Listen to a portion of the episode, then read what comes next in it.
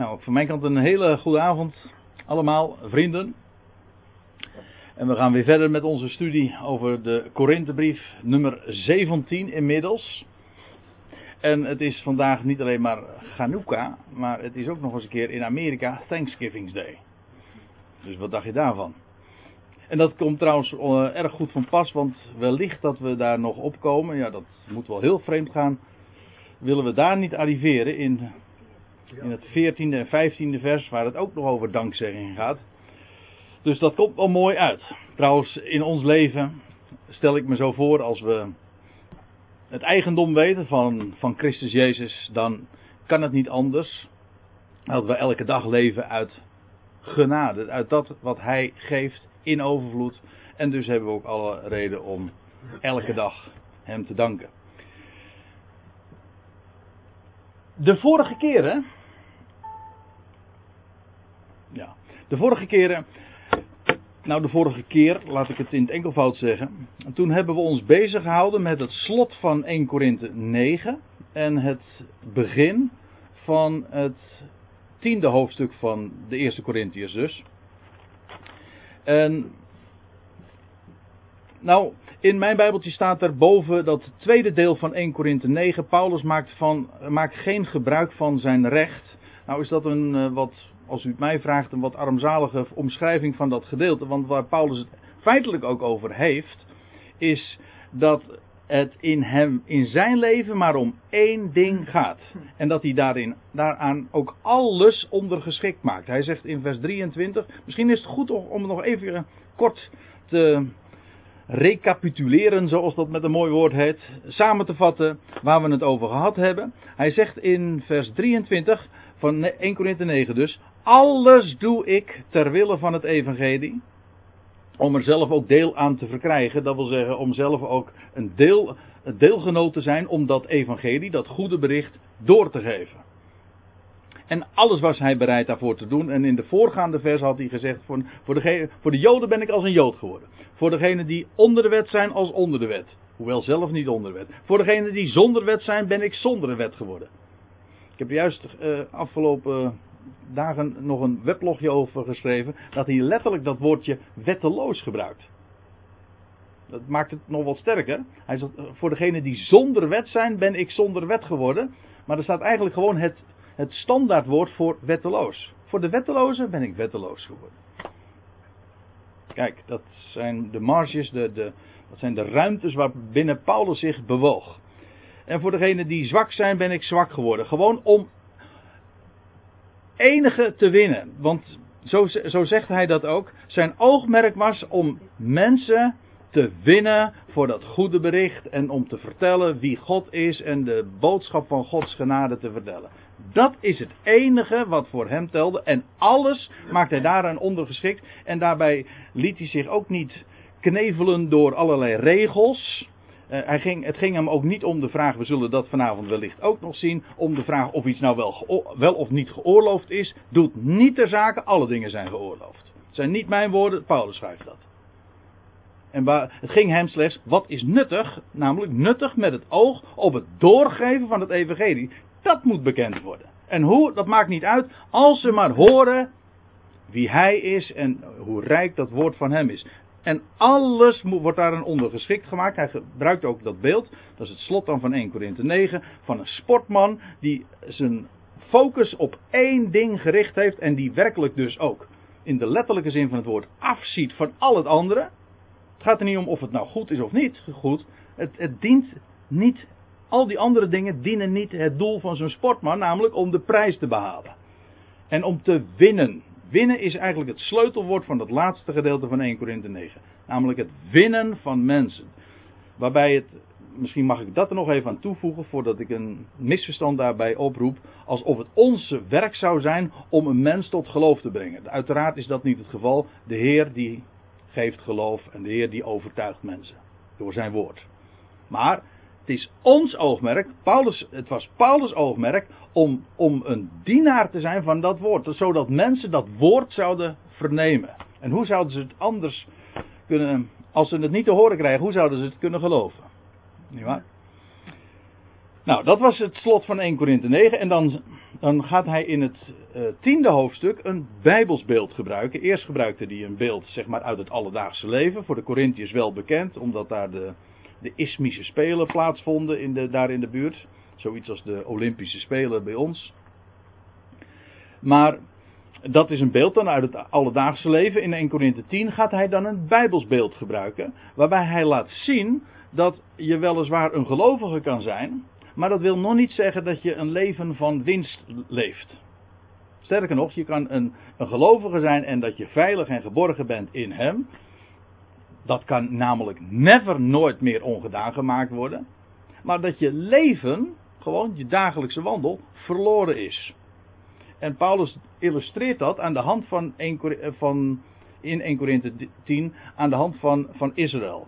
Eh, het volk van Israël was uitgetogen, om een beetje oud-Nederlands woord te gebruiken, eh, onder leiding van Mozes uit Egypte. Ze waren gedoopt, staat er dan, in de, in de Schelfzee en ze gingen achter Mozes aan richting het beloofde land. Ja, staat er dan, maar in het, het merendeel is omgekomen, ging verloren in de woestijn. En Paulus gebruikt dat als beeld ook uh, voor ons. Hij zegt dat al die dingen zijn ons ten type overkomen. Want nogmaals, je kunt een behouden zijn in hem, maar dat je leven, dat je niet werkelijk leeft uit genade.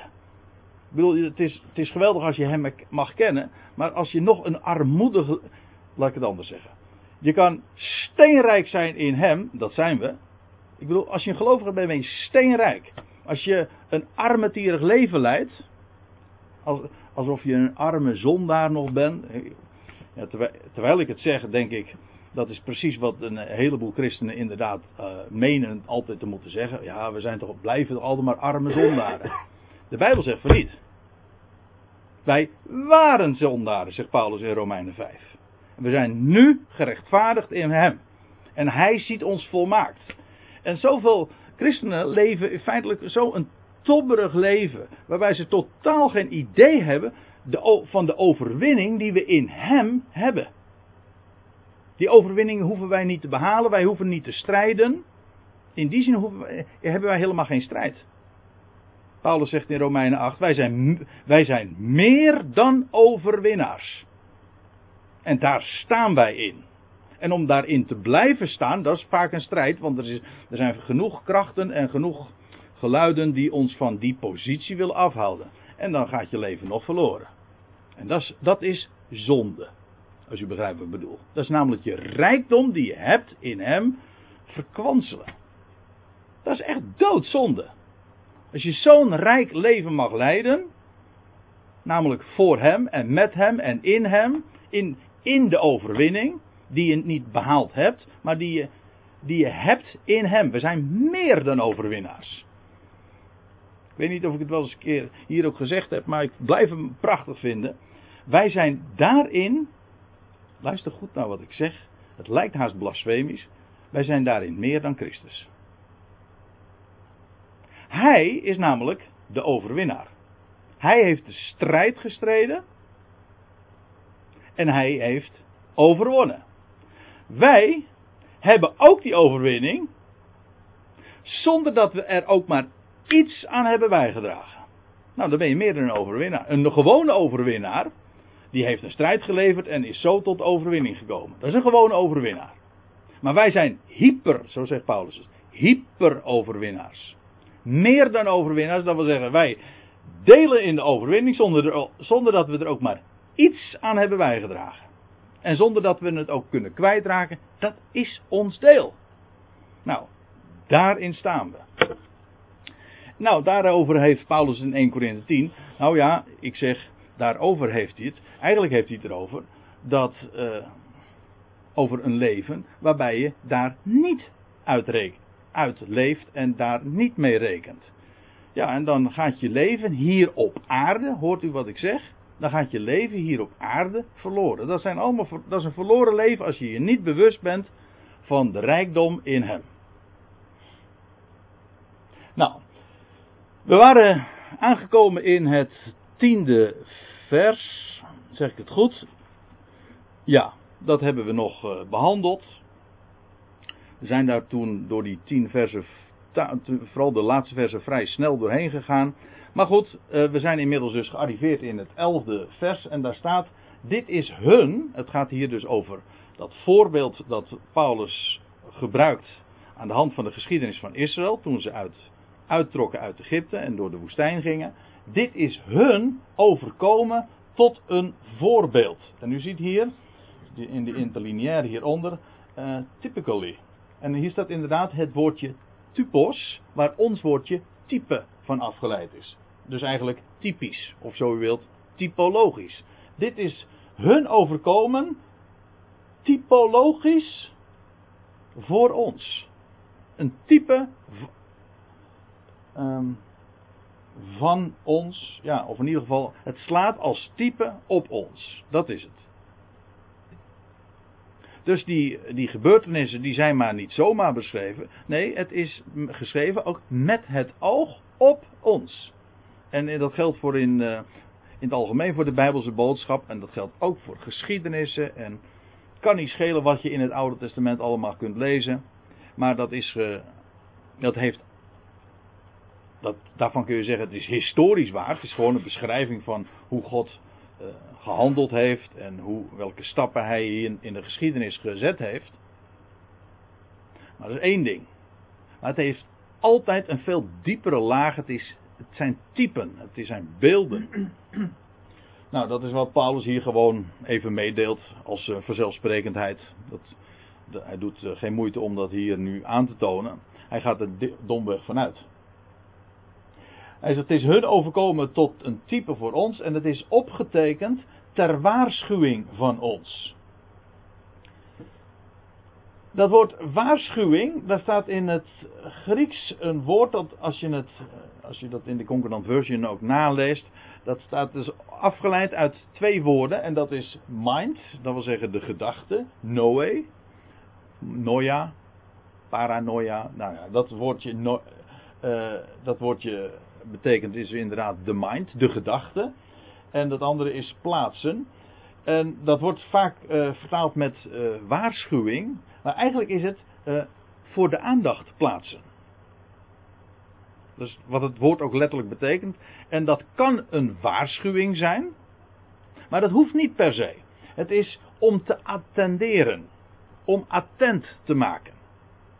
Dit is in feite ook een, je zou kunnen zeggen, een waarschuwingsbord. Maar hoeft niet. Je, ik kan u op iets attenderen. Attent maken. Kijk mensen, let op. Dat staat er. Ik plaats het voor uw aandacht. Nou, dat is het woord wat hij hier gebruikt. Dat kan nogmaals een waarschuwend effect hebben. Maar dat is niet per se het e-, element. Het attendeert ons. Het zijn typen gebeurtenissen die met het oog op ons zijn opgetekend. En het attendeert ons. Over wie het einde der Ionen, het einde der eeuwen gekomen is. Dat is een uh, wat merkwaardige uitdrukking. En er staat hier het einde. Maar als u het in de letterlijke vertaling ziet. Ik geloof dat de Statenvertaling ook het meervoud heeft. Ik steek mijn hand er niet voor in het vuur, maar ik dacht het wel. Er staat de einden. Ja, klopt. Het, dat, is ook, dat is ook correct. Er staat inderdaad de einden. U ziet het hier ook. Niet het einde, maar de einden. En, en dan wordt hier het uh, woord gebruikt uh, van de ionen. Wat uh, op zoveel andere plaatsen dan wordt weergegeven met eeuwigheid of eeuwigheden. Wat natuurlijk een heel rare vertaling is. In dit verband vind ik het, is toch wel even leuk om er uh, nog even op te wijzen. Voor uh, de meeste van ons uh, is het wellicht ten overvloede. Maar het hele idee dat een aion een eeuwigheid is, dat wil zeggen een tijd zonder einde, dat, dat, dat al in één zo'n uitdrukking wordt dat ontkracht. Een aion is juist iets wat een einde heeft. De ionen hebben einden. Dat wordt hier gewoon uh, zo zwart op wit uh, opgetekend. Dat is één ding, maar dat, dan blijf je nog even met de vraag zitten: wat bedoelt Paulus hier nou te zeggen met dat het is opgetekend met het oog op ons, hè, ter attentie van ons, over wie de einden der eeuwen, de wereldtijdperken, de Ionen gekomen zijn. En het idee daarbij is dat de, uh, de, de Ionen, of alle Ionen, hun bestemming vinden, hun einde, dat wil zeggen hun voleinding, want dat is eigenlijk wat het ook is, hun voleinding vinden in ons. Hoezo? En dat is iets wat, wat, wat Paulus eigenlijk door heel de brief, maar eigenlijk door al zijn brieven laat heen schemeren. En soms zegt hij het heel expliciet. Namelijk dat wij ons, hè, over wie het einde der Ionen, de einde der Ionen gekomen zijn, ons, wel, wij maken deel uit van de Christus. Wij zijn zelfs zozeer met hem verbonden als hoofd en lichaam. Wel, als alle, de, alle ionen, alle wereldtijdperken vinden hun voleinding, hun bestemming, hun climax in hem. Maar daarmee ook in ons. Want wij zijn in Christus. Wij maken deel uit van hem. Als u het niet geloven wilt, dan moeten we nu eventjes doorbladeren naar hoofdstuk 12, vers 13. Wat een, van, uh, wat een heel fraai voorbeeld daarvan is. Daar lezen we, ik lees vanaf vers 12, 1 Korinthe 12, vers 12. Want gelijk het lichaam één is en vele leden heeft, en al de leden van het lichaam, hoeveel ook één lichaam vormen, zo ook de Christus. Want door één geest zijn wij allen tot één lichaam gedoopt.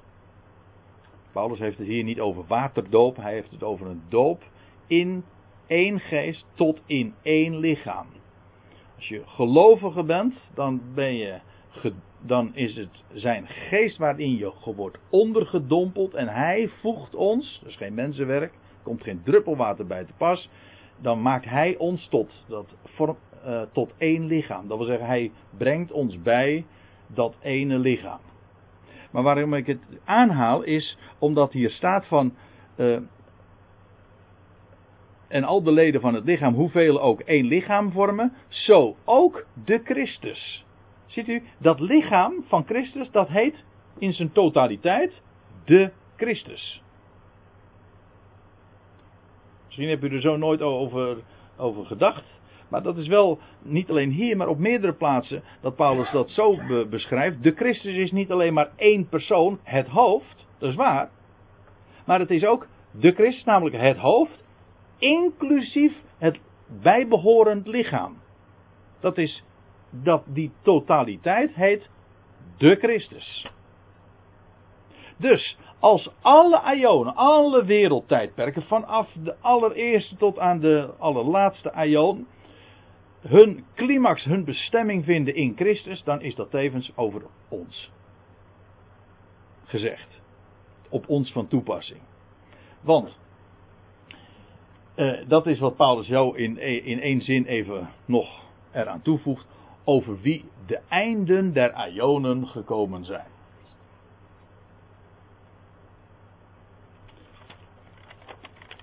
Nou. Even verder. Vers 12.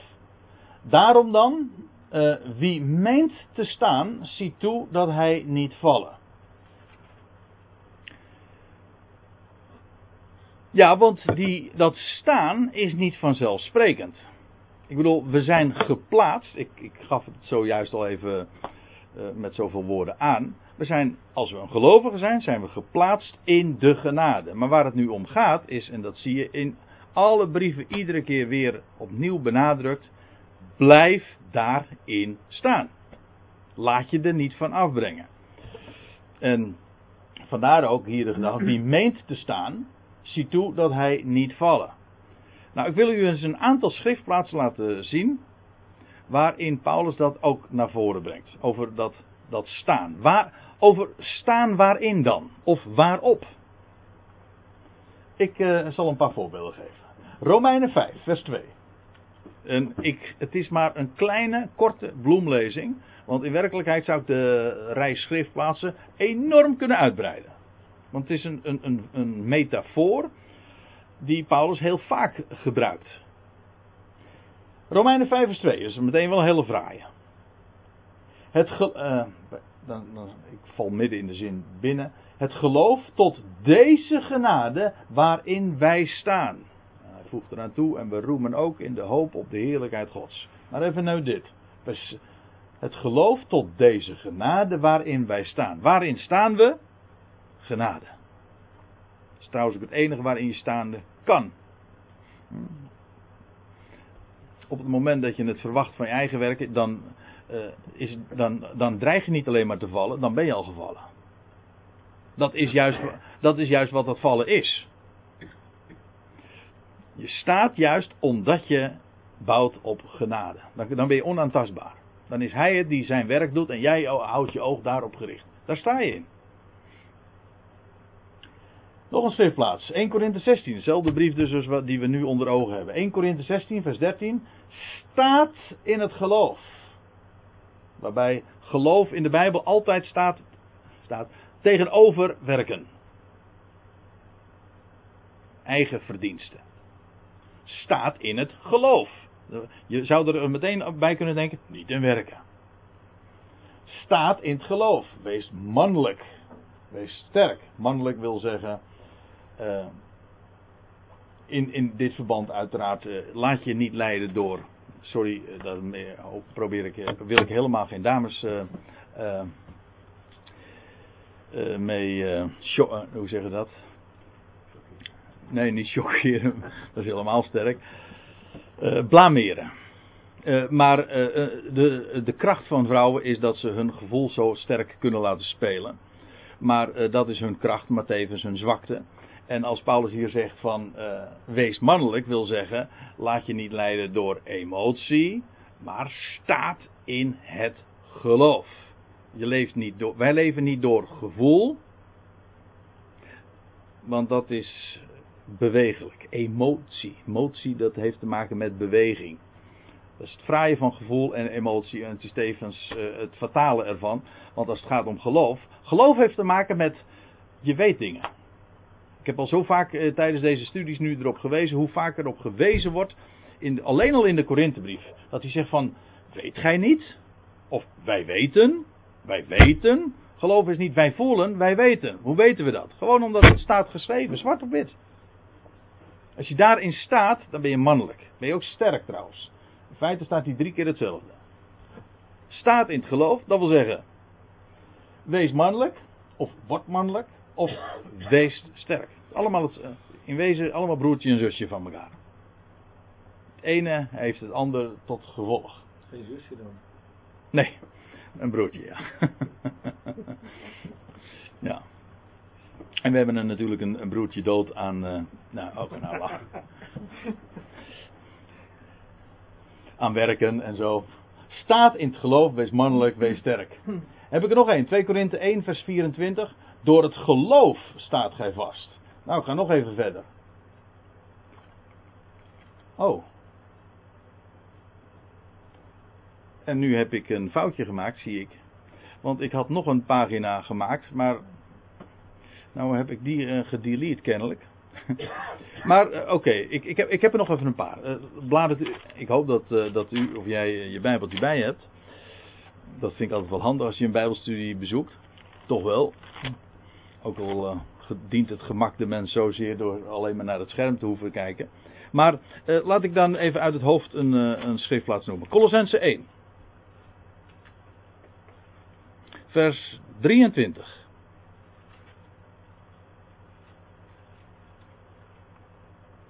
Daar staat. Daar gaat het ook over. Heilig en onbesmet en onberispelijk voor zich te stellen. Hoe doet hij. Daar gaat het over dat, dat onberispelijk voor zich te stellen hier op aarde. In dit leven. We zijn onberispelijk in hem, maar gewoon hoe kunnen we dat in de praktijk beleven? Wel, indien ge slechts wel gegrond en standvastig blijft in het geloof, heb je weer hetzelfde. En u niet laat afbrengen van de hoop van het evangelie. Dus twee haakjes, weet je wat de hoop van het evangelie is? Moet je even terugkijken naar het twintigste vers.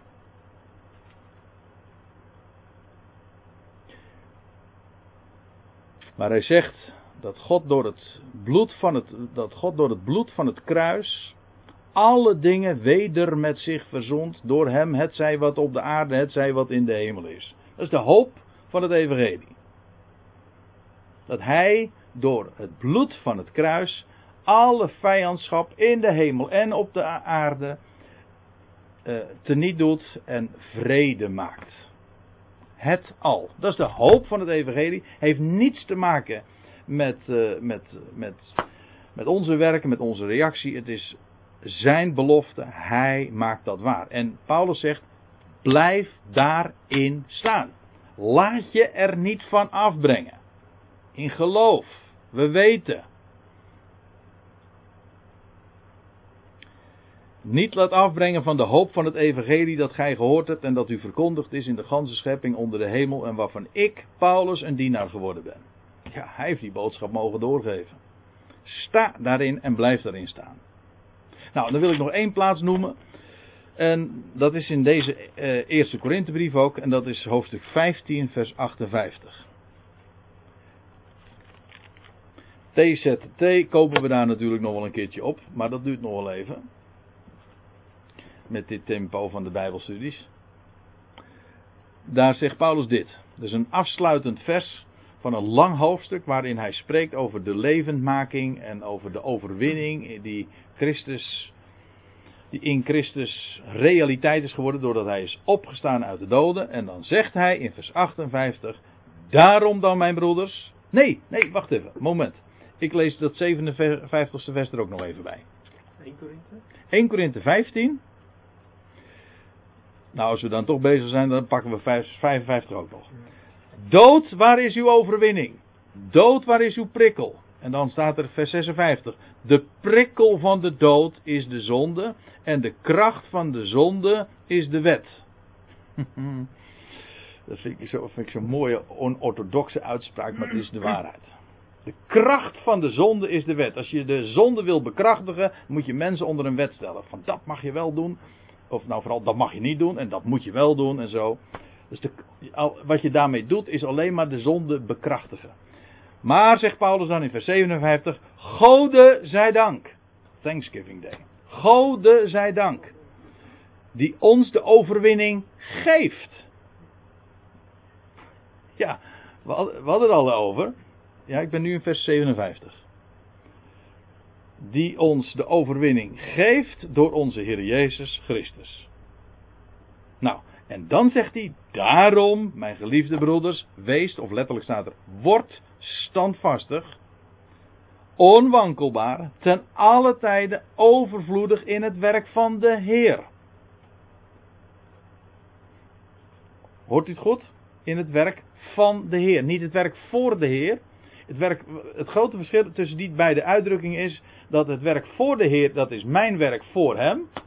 Het werk van de Heer, dat is zijn werk dat hij dus doet door ons heen. En daarin zijn wij, zouden wij overvloedig zijn. Hoe, hoe worden wij overvloedig in zijn werk? Dus het werk dat hij doet. Weet je wat je daar voor moet doen? ja, nou, precies wat hier staat. Gode zij dank voor de overwinning die hij geeft. En vervolgens, sta daarin, laat je er niet van afbrengen, onwankelbaar in die overwinning. En dan wordt hij overvloedig in het werk wat hij in en aan en door ons heen kan doen. Dat is dus geen jakkeren van onze kant. Integendeel, als wij gaan jakkeren, dat betekent dat wij aan het werk zijn. Maar het gaat er niet om ons werk. Dat wordt gekwalificeerd als eerder in de Korinthebrief als hout, hooi, stro. Gaat zo in vlammen op en er blijft niks van over. Zijn werk, dat is goud. En daar kunnen we alleen maar voor danken. Dan kijken we omhoog en zeggen: Wauw, u bent het die dat allemaal realiseert, wereldwijd. Ik bedoel, voor universeel. Hij is degene die dat evangelie ons toevertrouwt. Wij blijven daarin staan. En we danken hem. En zo leven we dag in, dag uit. En dat is een heerlijk leven, want dat is een leven wat ook eh, een uh, getuigt van overwinning en van vreugde, want daar kan niks in misgaan op het moment dat, dat je iets van jezelf verwacht, dan gaat er geheid van alles mis. Maar als je het verwacht van hem, ja. En er, en er wordt ook niks van ons verwacht. We, staat gewoon, ik doe het. Nou, ik zit nu. Ik kan het net zo goed zo doen, dit. Ik sta daarop en ik laat me er niet van afbrengen, van dat fundament. Nou ja, dat zijn zomaar wat van die uh, associaties die ik heb als ik uh, dit vers dus lees. Daarom, wie meent te staan, ziet toe dat hij niet vallen. Blijf daarop staan. Dat is de boodschap. Het is heel simpel. Maar het zal je gedacht zijn hoe gemakkelijk, dat blijkt ook uit zo'n woord, hoe gemakkelijk je daarvan afgebracht wordt. Dat zal maar toch maar erg makkelijk wezen. Leven is toch maar altijd maar strijden en tobben. En zo makkelijk is het allemaal niet. Op het moment dat je je oor daarnaar laat, daar, eh, naar uh, richt, dan ben je dus eigenlijk, dan sta je al niet meer. Of dan dreig je in ieder geval al te vallen. Sta daarop dat hij alles doet. In wezen was dat ook de ellende van Israël toen ze door uh, de woestijn gingen. Want ze vertrouwden niet gewoon niet op de Heer. De Heer had gezegd van ik geef je alles. Ik geef je alles. Maar de, dat, ja, dat zal maar makkelijk zijn. Ja, precies, dat was ook heel makkelijk. Maar ze vertrouwden er niet op. En daarom vielen ze. Goed. Vers 13. Gij hebt geen bovenmenselijke verzoeking te doorstaan. Als u een staatvertaling hebt, dan ziet u zoiets als, want dit is de meest letterlijke weergave, geen verzoeking heeft jullie bevangen dan menselijke. Klinkt wat uh, apart misschien op deze manier, maar zo, zo formuleert Paulus dat als je dat woord voor woord weergeeft. Hoe staat het precies in de Statenvertaling? Ja, dat is uh, geen verzoeking bevangen dan menselijke. Ja, nou dat is ongeveer hetzelfde. Ja, dus, dus een hele letterlijke weergave. Dus gewoon een menselijke. Ja, het, als het, op ons niveau. Ja, als het dus geen verzoeking is dan menselijke, dan zijn het dus gewoon menselijke verzoekingen. Ja, dat is.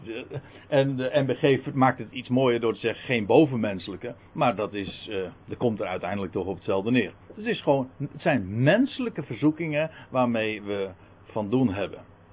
Waar Paulus al, uh, aan gerefereerd had toen hij het had over dat waar Israël uh, in, tijdens de woestijnreis voor, voor viel. En dat zijn net zulke verzoekingen als wij, waar wij ook zo gemakkelijk in kunnen vallen. En waar heeft het mee te maken? Wel met dit. En dan zegt hij. En God is getrouw. Of letterlijk, getrouw echter is de God. Dus je mag dan geconfronteerd worden om je heen met allerlei allerlei en vele menselijke verzoeking. Dat is tot je dienst. Maar, zegt hij, getrouw echter is de God. En dat verandert alles. Want aangezien dit de waarheid is, is dat andere uh, irrelevant geworden. Getrouw echter is de God. Vind ik altijd zo mooi, die, die, dat bepaalde lidwoord voor God. De God. De plaatsen. En hij is getrouw. En getrouw wil zeggen, hij doet wat hij zegt en hij doet ook wat hij belooft. En hij belooft te voorzien in alles. Hij geeft wat we nodig hebben. We zijn. Uh, nou ja, ik heb zojuist al wat gezegd over, over de rijkdom die we in hem hebben en de overwinning die ons deel is. En vervolgens in ons leven geeft hij wat we nodig hebben. Hij zal in, naar zijn rijkdom in al uw behoeften voorzien. Nou, en hij is getrouw, dus ook dat is weer een reden te meer om onze ogen dus op hem te richten. En daarop te staan, om even in die beeldspraak te blijven. Getrouw echter is de God die niet zal gedogen dat gij boven vermogen verzocht wordt. Paulus eh, spreekt in de tweede Korinthebrief, we hebben het er wel eens over gehad, herinner ik me, Wolter. Over dat bovenvermogen verzocht. Want daar spreekt hij in, in 2 Korinthe 1 dat hij wel boven vermogen een last heeft te gekregen, te dragen kreeg. Zo eh, dat, dan gebruikt hij een soortgelijke terminologie. Maar dan heeft hij het niet over verzoeking boven vermogen. Maar over een last boven vermogen. Waaronder hij dreigde te bezwijken. En dan zegt hij. We hoeven het nu verder niet op te zoeken. Maar dan zegt hij. Dat, we, dat hij zelfs aan zijn leven had gewanhoopt. Maar hij zegt: Ik heb mijn, vertrouwen gesteld op de God die de doden levend maakt. En eh, hij is gered uit een doodsgevaar. Toen, maar hier heeft hij het over bovenvermogen verzocht wordt. Hij zal dat niet gedogen. Hoezo niet? Nou, dat motiveert hij dan in het vervolg. Want hij zal met de verzoeking, daarvan worden we dus niet gevrijwaard. Daar hebben we mee te maken. Voortdurend, dagelijks zou ik zeggen. Verleidingen. Aansporingen om het, om het op een. eh, in dit verband vooral eh, om van dat fundament weer af te gaan wijken. Want hij zal met de verzoeking ook voor de uitkomst zorgen. Is er altijd. Met de, met de verzoeking is er altijd de uitkomst. En wat is die uitkomst? Dat is de garantie dat hij geeft wat we nodig hebben. En hij zal vervullen wat hij belooft, want hij is getrouw. En zo was het bijvoorbeeld een Jozef die in de gevangenis was. Of, nou ja, ik kan ook nog even eerder gaan. eh, bij in het huis van Poti- Potifar. Hoe kon hij die dagen zo. Eh, te midden van die verzoekingen, hoe, kon hij leven? Wel, omdat hij zijn oog had gericht op wat hij wist, de belofte van God. Ja, hij had die dromen ooit van God gekregen. En hij wist dat. En, eh, en daarom lees je ook dat. dat eh, je leest ook nooit dat, dat van, van Jozef dat hij in paniek raakte of zo. Of dat hij dacht dat het misging. Hij wist. God is degene die alles, die mijn leven leidt. En al zie ik er nu helemaal niks van. Hij leidt mijn leven en hij geeft me wat ik nodig heb. En, er was, en het had soms alle schijn tegen, want dan kwam hij in het huis van Potifar. Nou, u weet die geschiedenis, wat er gebeurde. En, maar hij bleef standvastig. Vervolgens, om zijn standvastigheid, komt hij in het, eh, in, in het andere huis van Potifar. Eh, namelijk in de gevangenis. Ja, en toen zou je denken van nou, dan gaat het, het gaat toch niet helemaal goed. Nee, het ging wel helemaal goed. Dat moest hij namelijk ook wezen. Ja, ik zou zomaar in de nu in de verleiding komen om daar wat over te zeggen. Maar ik bedoel dit te zeggen. Ook al heeft het alles schijn tegen. Er is altijd die uitkomst. Gods belofte. Daar, daar zul je terechtkomen. Dat heb ik beloofd en dat is die uitkomst. Daar heb je je oog op gericht. En als je daar je oog op gericht hebt. Dat was voor Mozes ook het geval, die eh, al die 40 jaar in de woestijn was. Ja, maar God heeft hem gewoon klaargemaakt, geprepareerd. Hij zal met de verzoeking ook voor de uitkomst zorgen, zodat gij er tegen bestand zijt. Of letterlijk, ehm, het, zodat gij het vermag te ondergaan. Ik heb een verwijzing gemaakt naar eh Filippenzen 4, vers 13. Wat zou daar staan? Ja, ik vermag alle dingen in. Ik vermag alle dingen. Hier staat het woordje, ja, het heeft te maken met dynamisch. Het vermogen, kracht. Hij stelt mij in staat tot. Hij geeft mij, dat is wel een mooi woord, dynamisch vermogen. Hij geeft mij het vermogen tot alles. In James staat hetzelfde dragen. Bearing. Eh, ja, nou dat is, dit is de meest letterlijke weergave. Ja. Staat vertaling staat op dat gij kunt verdragen. Oh, verdragen. Kunt verdragen. Ja, maar dynamisch is veel sterker natuurlijk. Wat? Ja, Dynamisch. Ja, wacht even, maar dat is eh, zodat gij, eh, ja, zodat gij in staat gesteld wordt het te ondergaan. Ik zou, ik moet, ik zou straks even moeten kijken eh, welk woord er nou exact eh, dan staat. Maar de gedachte daarbij is dat je die verzoeking gewoon kunt ondergaan. Hij stelt ons namelijk in staat, omdat eh, vanwege die uitkomst, die altijd ook met die verzoeking eh, er is, altijd kun je daar je ogen op richten. Ja, het is maar waar je naar kijkt natuurlijk. Want het heeft namelijk niet te maken met, met, met, met wat er allemaal in je leven op je afkomt. Dat is uiteindelijk niet beslissend. Het gaat erom, waar kijk je naar? We hadden het daar eerder over in verband met die, eh, de lessen van een sportman. Die ook in wezen maar één ding moet doen. Één, ding onder ogen ziet en eh, voor ogen heeft. Nou, dat is hier ook het geval. Waar kijk je naar? Nou, anders zou je het eens een keer moeten vragen aan, uh, aan Petrus. Die, die uh, even buiten de boot stapte. Ja. En als je, als je kijkt naar de golven enzovoorts. En allemaal, en of als je kijkt op de wind en op de omstandigheden. Dan zak je. Maar op het moment. Zolang je gewoon je oog goed gericht hebt. Is er helemaal. Maar dan ook werkelijk helemaal niks aan de hand. Hij is het namelijk die geeft wat, wat nodig is. Hij stelt mij in staat tot. Hij geeft me de kracht. Ik vermag alles. Klinkt haast als, uh, als Emiel Ratelband. Maar, dan, maar Emiel Ratelband die zegt: Ik vermag alles. Hm? Maar Paulus zegt: Ik vermag alles in Hem die mij kracht geeft. Het heeft dus niks met hoogmoed te maken. Het heeft juist te maken met, met ware nederigheid. Dat wil zeggen, weten, ik kan het niet, maar hij wel. Dus wie zal mij wel doen?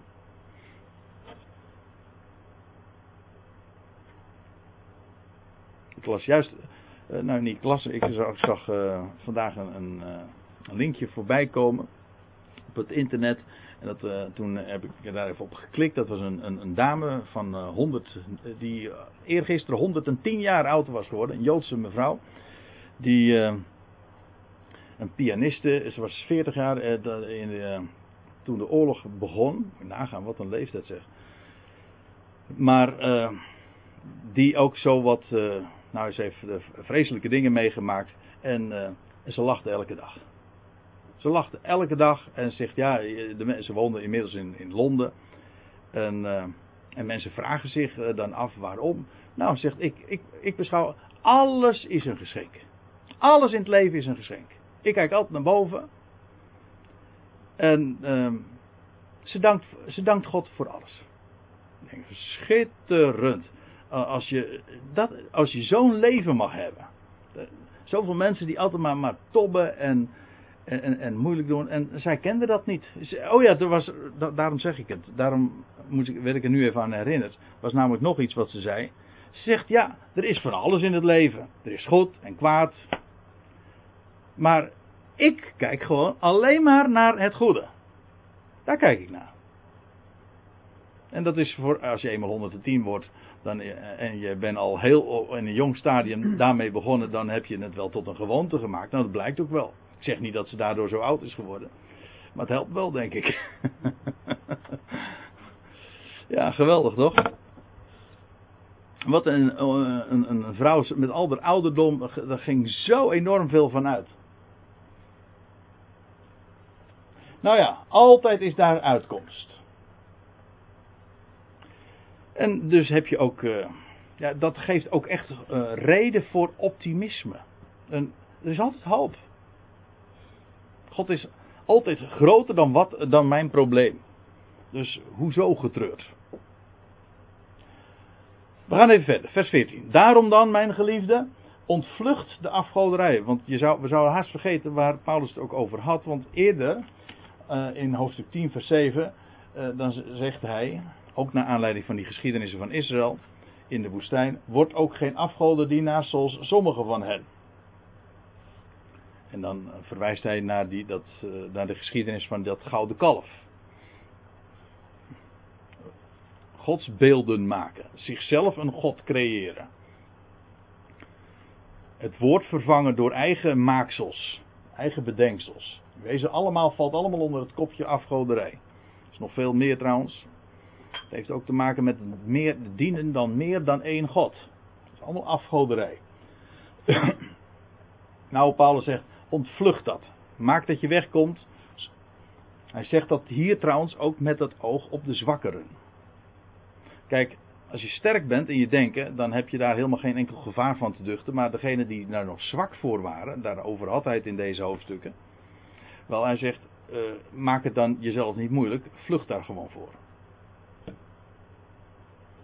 En dan zegt hij in vers 15, ik ga even verder, want we komen daar vanzelf nog eh, wel uitgebreider over te spreken. In vers 15 zegt hij: Ik spreek immers tot verstandige mensen. Nou, eh, dat eh, vind ik wel leuk, want dat staat er niet. Hij zegt niet: Ik spreek tot verstandige mensen, maar ik spreek als tot verstandige mensen. Hier. Als tot verstandige. Hoe heeft de Statenvertaling? Ik vraag het maar weer even. Hè? Als. Ja, die heeft het wel. Ja. Van de week een, eh, op internet dat het de beste vertaling in zit. Op de Statenvertaling. Ja, nou ja, het is een eh, vaak eh, veel eh, letterlijke vertaling dan de MBG. Nou, Nee, het heeft, de Statenvertaling heeft één nadeel eh, en dat is dat het wat oud-Nederlands is. Maar goed, eh, je moet het toch altijd checken en het allermooiste is natuurlijk gewoon eh, zo dicht mogelijk naar de grondtekst te gaan. Maar er staat inderdaad, ik spreek immers als tot verstandige mensen. Want daar zit natuurlijk ook een beetje humor in. Het is ook een beetje een, een, eh, het, eh, het steken van die Corinthiërs, want zo verstandig waren ze niet. Maar eh, Paulus slaat ze hoog aan. Hij zegt, ik spreek als tot verstandige mensen. Hij zegt, jullie hebben verstand van God gekregen. En gebruik het dan ook. Dat is trouwens ook wat echt verstandig is. Het gaat, er niet om dat je veel. eh, verstandig wil niet zeggen dat je veel verstand hebt, maar wil zeggen dat het verstand dat je hebt, dat je dat gebruikt. Het verstand dat je gekregen hebt, ook daadwerkelijk eh, laat werken. Ik spreek immers als tot verstandige mensen, beoordeel dan zelf wat ik zeg. Dat is wel een. eh, dat is heel typerend eigenlijk ook voor, voor een brief als deze. En voor heel Paulus' bediening. Paulus legt geen wetten op. Nee, hij zegt: Jullie zijn verstandige mensen. Hij zegt: Beoordeel het zelf. In eh, het hoofdstuk 11, vers 13 zegt hij eh, ook zoiets. Oordeelt zelf. Hij geeft ze iets. Hij geeft ze iets aan. Hij reikt ze iets aan. En hij zegt: Beoordeel het zelf. Als we nog even doorbladeren in 2 Korinthe 1, dezelfde gemeente dus, maar dan in hoofdstuk 1, vers 24, daar schrijft hij het heel mooi. Eh, dan laat hij het ook nog wat in een, eh, in een andere context doorklinken. Hij zegt niet dat wij heerschappij voeren over uw geloof. Wij zeggen niet wat jullie moeten doen of moeten denken. Nee, zegt hij, wij zijn medewerkers aan uw blijdschap. Want door het geloof staat gij vast. Hier heb je het weer.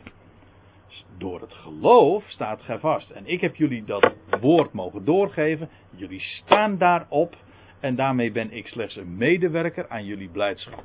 Niet, ik ben geen paus, ik vertel jullie niet wat je moet doen. Nee, ik draag het aan. Ik reik het aan. Beoordeel het zelf. En dan, ik lees even verder in vers 16. Is niet de beker der dankzegging waarover wij de dankzegging uitspreken een gemeenschap met het bloed van Christus? En terwijl ik dat nu mee begin, denk ik, omdat hier nu weer een ander onderwerp wordt ingeleid, eh, wellicht eh, verstandig is om nou eerst even te gaan pauzeren. Als we nou toch over de beker hebben. Hè, dat we even een kopje koffie gaan drinken. Dan kunnen we straks de draad oppakken bij vers 16.